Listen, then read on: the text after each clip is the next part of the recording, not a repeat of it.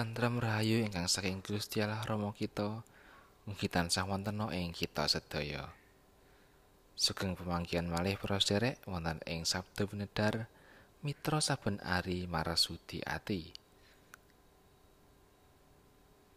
Ing dinten menika sumangga kita sesarengan nampi pangandikanipun Gusti kapendhet saking Injil Matius bab kalih dosa ayat kalih dosa dumugi wolu likur.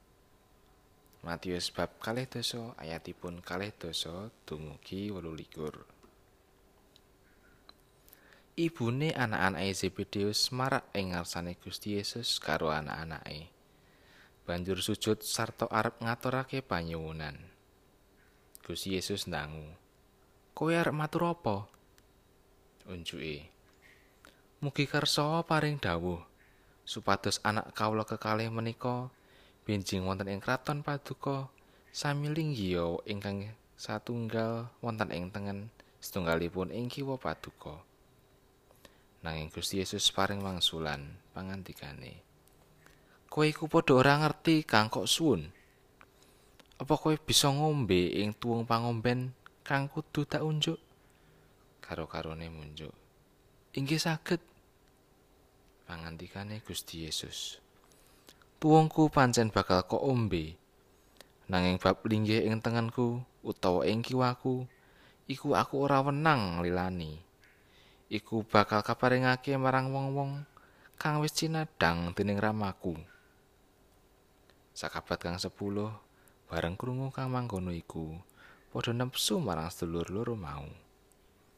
Banjur padha timbali dening Gusti Yesus sarta dipangandikani kowe padha ora ngerti yen kang padha ngasta peperintahaning bangsa-bangsa anggon nindakake peperintahan kalawan keras. Sarta para panggedhe padha nindakake panguasane kanthi kenceng. Ananging kowe aja padha mangkono. Sing sapa kepengin dadi gedhe ana ing antaramu iku dadi batur. Lan sing sapa kepengin dadi pangarep ana ing antaramu iku dadi budakmu padha karo putraning manungsa anggone rawuh iku ora supaya diladosi. Nanging malah ngladosi sarta masrahake nyawane minangka tetebusan tumrap wong akeh. Ayat nasinggih menika ayat 6 likur B. Sing sapa kepengin dadi gedhe ana ing antaramu iku dadi batur. Para sedherek kinasih renungan dan menika kaparingan ira-iran dadiyo batur. Mardika lan mateke bangsa Indonesia iku ora luput saka pangorbanan. Ora mung para pejuang kang ngangkat gaman nganti ngutake getihe sarta para politikus kang rundingan kan risiko dikunjara dening penjajah lan dimungsi kanca sabangsane dhewe amarga nyarujuki panjaluke penjajah lan ngilangake pitung tembung ing piagam Jakarta. Nanging uga para kadang tani kang ngorbanake pamatuning lemahe kanggo nyengkuyung para pejuang kang maju perang.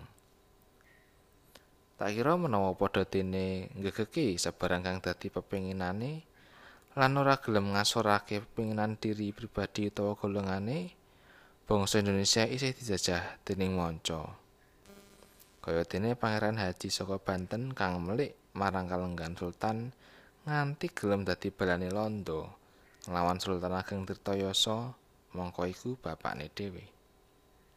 Semono uga pecah kerajaan Mataram dadi Surakarta lan Ngayogyakarta amarga londo kelakon bisa medil-medil paseduluran. Wawasan Injil dinten menika nyaritakake. Nalika Gusti Yesus ora kersa nyembadani apa kang dadi panyuwunane biyunge Yakobus lan Yohanan anak-anake Zebedeus? Bu Zebedeus duwe pangarep-arep.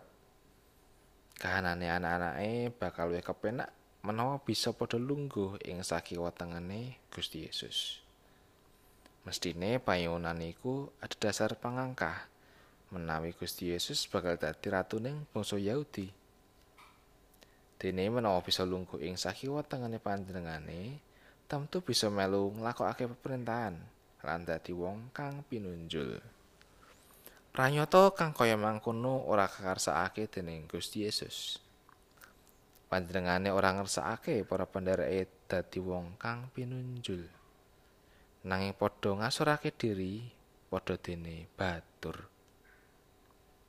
Lumrahe wong kang pinunjul ora gelem kasoran.